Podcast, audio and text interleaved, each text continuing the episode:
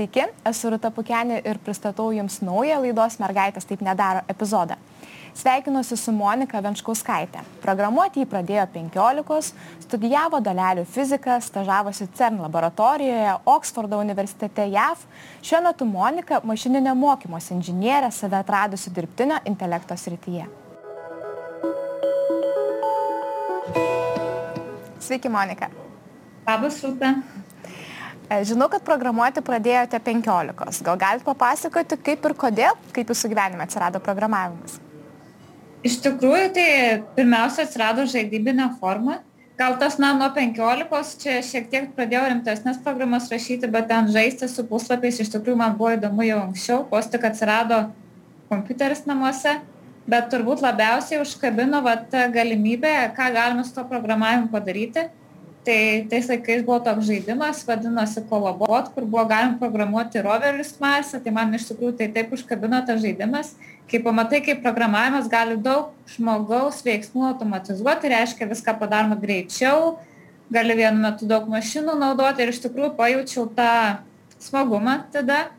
Ir pradėjau nuo to labiau domėtis. Mokykloj dar šiek tiek irgi mokėmės ir, ir turėjau tikrai šaunę informatikos mokytą, kur mane paskatino. Ir realiai vėliau mane gyvenime tas programavimas lydėjo tiek studijų metu ir tiek dabar būtent profesiniam keliui. O ar viskas iš karto buvo intuityvu ir paprasta, ar vis dėlto kilo tam tikrų iššūkių? A, tikrai gal nebuvo taip labai intuityvu, bet labai gelbėjo ta pati pradžia, būtent, kad pradėjau tokią žaidybinę formą nes e, tai nebuvo atsiskaitimas, tai nebuvo rezultatas, tiesiog džiaugsmą teikia pats bandymas ir iš tikrųjų programavimas gal ir tuo žavus yra, kad na, reikia tiesiog daug bandyti, nes e, iš esmės taip e, logika yra aprašoma matematinėmis funkcijomis, šiek tiek reikia logikos, šiek tiek matematikos, bet e, turbūt pati didžiausia esmė nebijoti suklysti ir bandyti vėl ir vėl ir iš tikrųjų iš, iš, iš kelinto karto pastebiu, kad va, tavo programa jau daro tai, ką tu nori daryti. Iš pat pradžių tai tikrai tai neatsitinka, bet kaip jau minėjau, reikia bandyti, bandyti, bandyti ir galiausiai viskas pavyksta. Ir šitas, šita darbo šitas darbo pobūdis iš tikrųjų lydi mus ir, profesionalius programuotojus irgi būtent kasdieniam darbe. Mes lygiai taip pat kasdien uh, dirbdami visko iš karto nepadarome. Tai yra tiesiog labai natūralus dalykas ir smagiausia turbūt išmokti yra į, įveikti tą, tą nuotaiką ir, ir, va, pajausti, kad jei bandysi daug kartų, tau vis tiek pasiseks nors programavimą mėgote nuo pat paauglystės, šiuo metu esate programuotoja, bet studijavote dalelių fiziką. Gana originalus pasirinkimas. Kuo šis rytis jūs žavėjo? Jo, sužavėjo, iš tikrųjų mane visą laiką žavėjo pasaulio patyrimas, būtent aš turiu tą tokią tyrinėtojos dvasę ir man buvo labai įdomu patyrinėti visatą, tai galėjau vat, būtent studijų metu prisiliesti prie uh, fizikos studijų, kurios skirtos būtent pažinti, kaip uh, atsirado mūsų visata ir lygiai taip pat, kaip jinai veikia, kaip veikia jėgos visatoje, kaip iš ko sudaryta materija. Tai yra be galo įdomu ir iš tikrųjų turbūt fizika vienas iš nedaugelio mokslų, kurio, na, kurio atradimai yra tiesiog faktai, tai yra jėgos veikiančios mūsų pasaulyje. Tai tas yra įdomu, kad tu prisilieti prie kažko tokio fundamentalaus, kas apskritai jau realiai kaip mokslas, na, na gal atsiras naujojo, bet jis taip stipriai nesikeičia. Tai tas buvo man labai vertinga ir iš tikrųjų būtent šitos studijos man ir atvėrė kelią į mašininį mokymasi. Tuo metu mes tokių kaip mašininio mokymosi studijų dar neturėjom, tai nebuvo taip populiaru, bet būtent jau CERN mokslininkai naudoja šitos metodus tyrinėti duomenims apie dareles, e, būtent iš CERN mokslo laboratorijos Šveicarijoje. Tai mes irgi Vilniaus universitete su to dirbome.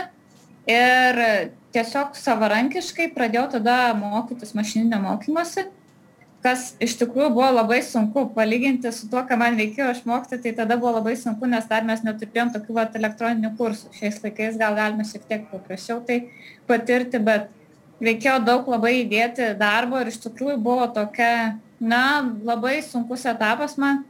bet tai buvo mano magistrinis studijų darbas, būtinai reikėjo jį parašyti ir iš tikrųjų bet po keletos savaičių domėjimosi, skaitimo ar bandymus iš tikrųjų vieną akimirką atėjo tas eureka momentas, kai aš supratau, va štai taip tas algoritmas veikia, štai taip tai vyksta ir štai taip va, mano programa visą tai suskaičiuoja ir, ir, ir atlieka.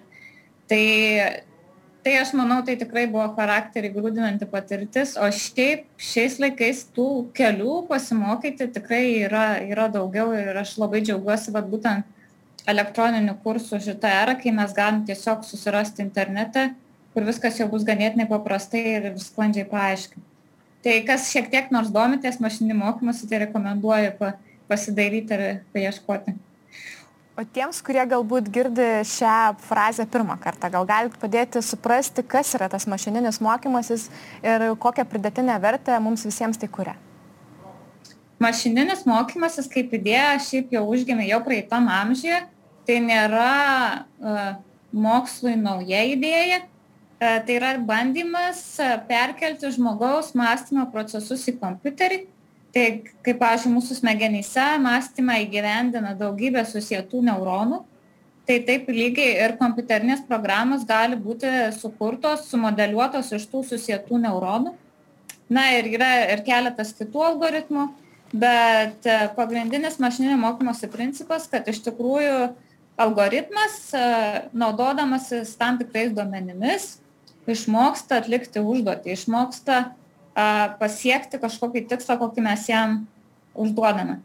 Tai tokios programos jau teoriškai egzistavo praeitam amžiui, bet mes vis dar neturėjom pakankamai skaičiavimo pajėgumų kompiuteriuose, kad galėtumėme tai įgyvendinti tiesiog pritaikyti ir pastarais, pas pastarį dešimtmetį iš tikrųjų mūsų kompiuteriai to pasidarė tokie galingi, kad mes jau galime naudoti tuos algoritmus net savo naminiame kompiuteryje ar, arba netgi tuo jau neužilgo ar galėsime visuose nešiojimuose telefonuose juos naudoti. Tai e, būtent tai lėmė algoritmų paplitimą, o tie algoritmai atlieka įvairiausias užduotis.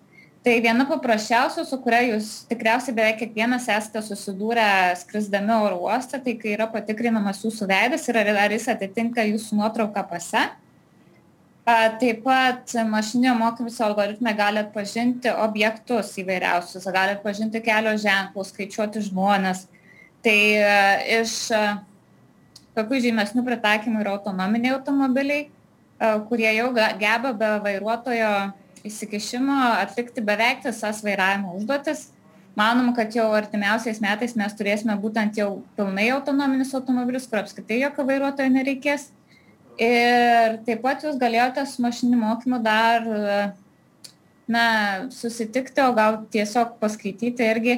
Būtent va, šios pandemijos metu mašininis mokymasis padėjo iš esmės atlikti tam tikras minios valdymos užduotis.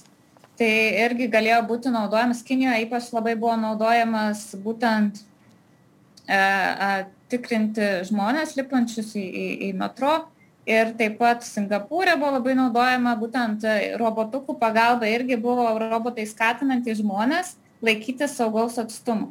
Tai tas mašininis mokymasis, kuo toliau, tuo labiau jis mums padeda. Ir taip pat iš tokių gal ne visai akivaizdžių, bet tikrai aš tikiuosi ateityje mes tikrai tai matysim daug plačiau medicinoj bet šiuo metu jau yra taikomi tam tikri algoritmai kurie padeda tiksliau nustatyti pavyzdžiui plaučių širdies ligas iš rentgeno nuotraukų. Daug tiksliau negu žmogus nes būtent mašina apmokoma didžiuliu duomenų kiekiu kai tarkim ten vienas gydytojas per savo gyvenimą nežinau turi galimybę pamatyti galbūt kelis šimtus gal daugiau tų nuotraukų tai mašina realiai gali pamatyti visas egzistuojančias nuotraukas tai jinai tampa puikiu pagalbiniu įrankiu gydytojui būtent aptikti anomalijas e, rentgeno nuotraukas. Monika, jūs išvardėte tiek daug puikių pavyzdžių, turbūt sutiksite, kad na, mašininio mokymosi sritis šiuo metu yra na, itin karšta. Ir specialistai dirbantys šioje srityje yra itin paklausus ir graipstomi darbdavių. Ar tai yra tiesa, ar pati jaučiate išskirtinį susidomėjimą ir mašininiu mokymuose, ar dažnai sulaukiat darbo pasiūlymų? Aš manau, kad tai yra tiesa ir tai vis dar išlieka ypač perspektyvis rytis. tiesiog jinai galbūt auga, plečiasi, jeigu, tarkim, prieš keletą metų didžiausias klausimas buvo va, būtent apmokyti mašininio mokymosi modelį, buvo ieškoma specialistų, kurį moka tą modelį sukurti. Tai dabar atsirado tų daugiau, galbūt pusių, daugiau sričių, nes jau kai tai pasidarė tos modelius taikyti ganėtinai įprasta, tai dabar tas rytis iš tikrųjų išsiplėtė ir dabar reikia žmonių, kurie būtent padėtų optimizuoti, kaip tie modeliai yra naudojami praktikoje. Tai yra visa eilė darbų, kaip tą modelį pateikti būtent klientui, iki, kad jis prieitų iki tos programos, aplikacijos ir kaip, kaip jisai toje aplikacijoje veiks, atrodys, kokia jo bus kokybė ir visa kita. Tai aš manau, kad tas poreikis netgi išaugo, nes pati sritis išsiplėtė, padažnėjo būtent taikymo, taikymo atveju ir taikymo sričių ir vis labiau reikia darbuotojų, kurie sugebėtų vat, elgtis su tais didesniais modelių kiekiais. Tai perspektyvos labai plačios ir galbūt tiesiog e, toks momentas, kad, e, pavyzdžiui, industrijoje tai dažniausiai viskas einama labiau į modelių taikymą. Tai reiškia, daugiau reikia pažinti sritį, kurioje tu dirbi ir kartais ten, na, tie metodai gali būti ir šiek tiek paprastesni, nebūtinai ten naujausi akademiniai atradimai, bet tiesiog e, geras darbuotojas, jeigu gerai moka juos taikyti, tai jis jau gali labai daug nuveikti pritaikymų srity. Bet su dirbtiniu intelektu yra susiję ir labai daug baimių. E, savo tinklaraštį jūs taip pat e, pasidalinote mintimi, kad dažnai galvojate apie tai, kas mus paverčia žmonėmis. Kaip sugebėsime save apibriežti dirbtinio intelekto amžyje? Ar radote jau atsakymą į šį klausimą? Turbūt keletą atsakymų radau, bet jų vis, vis, vis dar ieškau. Tai iš tikrųjų dirbtinis intelektas mūsų gyvenimą keis labai stipriai, nes jis galės atlikti daugybę paprastesnių tokių užduočių, kurios reikalauja mažiau kūrybinio darbo. Ir kuo toliau, tuo dirbtinis intelektas yra gudresnis ir tuo daugiau profesijų jis jau gali automatizuoti. Tai iškyla iš tikrųjų toks klausimas, nes kai kurie žmonės, tarkim, chirurgai ar ar menininkai savo profesiją tobulina visą gyvenimą ir, ir štai tau vat, atsiranda robotas, kuris daro chirurginės operacijas ar, ar robotas menininkas, kuris paveikslus spausdina per kelias sekundės. Tai iš tikrųjų aš manau, kad žmogiško kūrybiškumo niek, na, niekas nepakeis, kad dirbtinis intelektas taps įrankiu žmogui, kuris pagerins jo profesijos na, efektyvumą ir, ir tikslumą, tai, pavyzdžiui, chirurgai tikrai neišliks, chirurgo profesija tikrai išliks, bet jis privalės e, prisitaikyti e, ir naudoti tuos įrankius, jeigu norės būti šio laikiškas specialistas.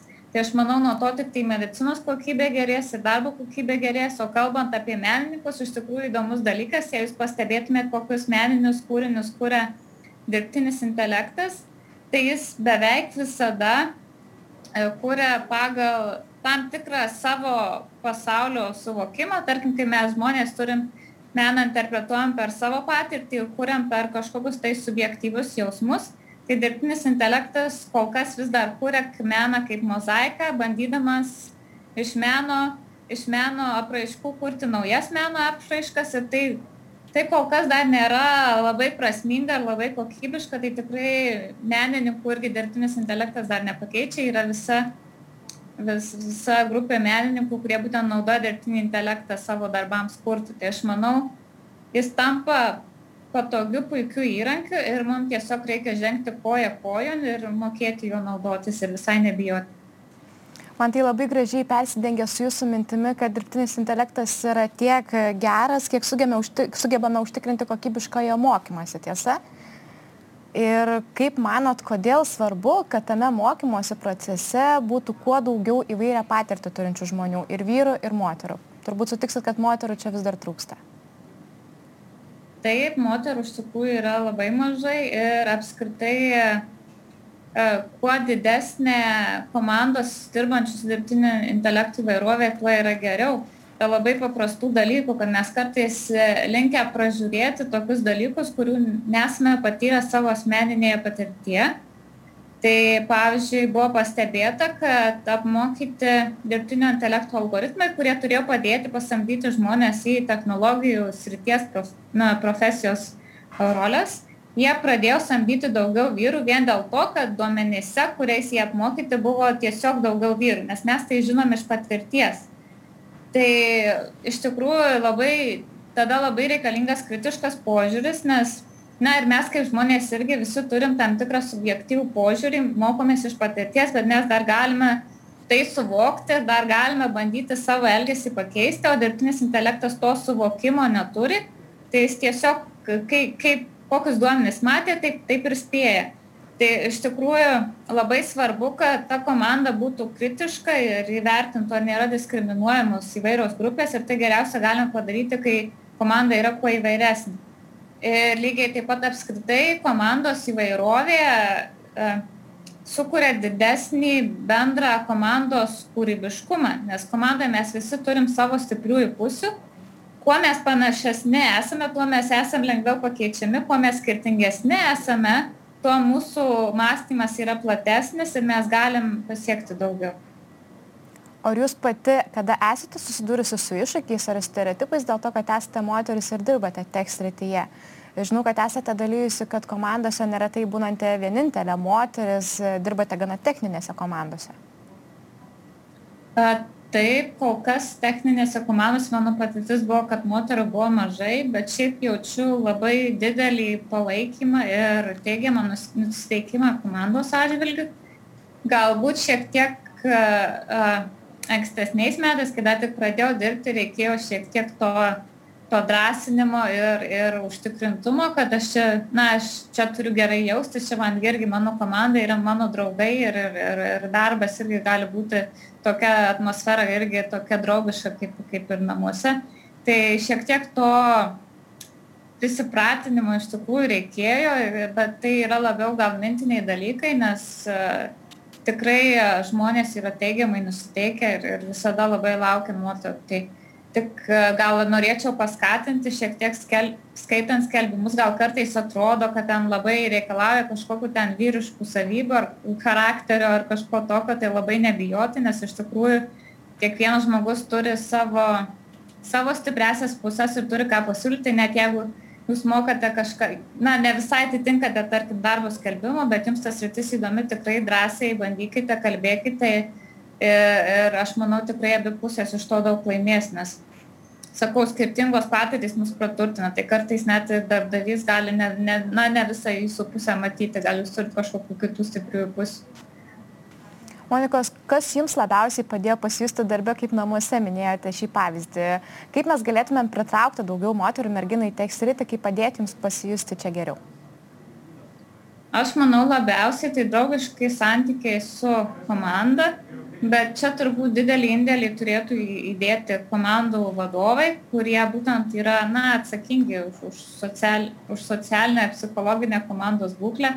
Tai aš manau, kuo daugiau to bendravimo, paprasto draugiško bendravimo, tiesiog, na, šalia darbo ir, ir, ir tiesiog draugiškom temam ir, ir galbūt netgi vykdant, vykdant kažkokius tai vat, darbo, darbo pokalbius, rašant darbo skelbimus, reikėtų šiek tiek pagalvoti, ar mes reikalavim labai, tarkim, vyriškų savybių. Aš taip nenoriu sakyti, kad yra vyriškos ir moteriškos savybės, bet kartais kelbime yra parašoma, kad žmogus turi būti būtent labai ambicingas ir, ir, ir daug siekti ir iš tikrųjų gal, gal, gal tos savybės ir yra ir toj mergino, ir toj moteriai, bet dar nemoka to kaip ir pamatyti ir kai tai yra labai užakcentuojama, gali žmogus ir tokio skelbimo išsigasti. Tai aš tiesiog siūlyčiau galbūt tiesiog daugiau, daugiau bendrauti Ir dar vienas dalykas, kas man iš tikrųjų labai patinka, pas mus dar nėra ypatingai primta tokia praktika, bet tiesiog pabendrauti su tos ryties profesionalais, tai yra mentorystė. Aš turiu keletą, keletą žmonių ir dauguma šių merginos, kurios yra būtent su manim susisiekę, tiesiog pakalbėti apie profesiją, apie profesijos realybę, kaip mokytis, kaip, kaip, kaip toj profesijoje keliauti, judėti. Ir, ir aš iš tikrųjų, man pačiai buvo labai smagu, tai jeigu kas nors domitės, tai aš irgi mielai galiu susirasti mane LinkedIn ir, ir pakalbinti ir paklausti, vat, būtent, kaip atrodo ta profesija ir, ir, kas svarbu, kas joje reikalinga. Ir aš manau, kad pralaužus tuos ledus iš tikrųjų viskas pasidaro daug paprasčiau ir lengviau. Aš irgi labai tikiu, kad e, ypač tekst rytyje yra labai svarbi ir mentorystė, ir įkvepiantis teigiamų pavyzdžiai. Tad Monika, paprašysiu jūsų, galbūt galėtumėt pasidalinti savo darbu tekst rytyje, kuriuo labiausiai didžiuojatės, e, kas jūs įkvepia čia. Na, mane įkvepia įdomus projektai. Tai vienas iš paskutinių labai įdomių projektų mes kūrėme tokį kompaniją, kūrėme įrankį, kuris skirtas atvirų šaltinių žvalgybai tai labiau kibernetinio saugumo įrankis, bet aš jaučiu didelę prasme, nes jis e, galėjo būti naudojamas, būtent jo paskirtis yra e, netikrų naujienų paieška, e, propagandos suradimas ir taip pat jo galima e, stebėti veiksmus vykdomus tamsiuosiuose internetuose, tai reiškia ir prekybą žmonėmis ir įvair, daugybę įvairių kitų dalykų. Tai tiesiog mane įkvėpė tai, kad atrodo, na, tai yra programa, tai yra įrankis, kurį gali parašyti keliese komandoje, bet jinai tokia galinga yra, kad jinai mums padeda spręsti tokias skaudžias problemas, ypač e, netikros naujienos mums labai aktualu. Šiandieninėje situacijoje ir Lietuvoje, tai mane įkvėpė tai, kad dirbtinis intelektas iš tikrųjų gali padaryti mūsų gyvenimą saugesnį ir, ir geresnį. O kur link juda dirbtinis intelektas? Kaip manat, kokios bus tos rytis, kurias jis dabar pasieks pirmiausiai? Turbūt viena svarbiausių yra medicinoje, jau dalis operacijų yra e, automatizuojamos dirbtinio intelekto pagalba ir dirbtinis intelektas tampa operacijų planuotojų. Tai reiškia, kai gydytojas, e, tarkim, sudėtinga smegenų operacija planuoja su, su dirbtinio intelekto uh, įrankiu, jis tą operaciją atlieka kelis kartus greičiau, vadinasi, mažėja mirties rizika, taip pat didėja diagnozių tikslumas. Ir kita turbūt, jau minėjau, viena įdomiausių sričių tai autonominiai automobiliai, kas irgi užtikrins saugumą keliuose. Na ir taip pat įvairiausi autentifikacijos mechanizmai, kurie jau plačiai naudojami, bet iš tikrųjų tas įdomu, kaip jie keičiasi, bet irgi pandemijos metu atsirado algoritmų, kurie jau veikia nešiojant veido kaukės, tai mes prie viso to prisitaikom. Tai aš manau, turbūt be neįdomiausi pritaikymai bus robotuose, galbūt ateityje turėsime robotus, kurie nešios siuntinius iki mūsų durų ir jie bus visiškai autonominiai, autonominiai robotukai, kurie privažiuos ar, arba kaip šuniukai prieis ir atneš mums siuntinį tai manau viena iš įdomiausių inovacijų ateinančiais metais būtent laukia šitoje logistikos srityje. Labai tikiuosi, kad prie šių darbų įgyvendinimo prisidės ir daugiau moterų, kad tokios iniciatyvos padės daugiau jų atvesti į tekst rytį. Ačiū Jums, Monika, kad pasidalinot savo patirtimi. Ačiū, Rūta, buvo labai malonu. Dėkoju dar kartą, kad buvote su mumis. Taip pat ačiū noriu pasakyti mūsų projekto ambasadoriui Baltic Amadeus. Iki kitų susitikimų.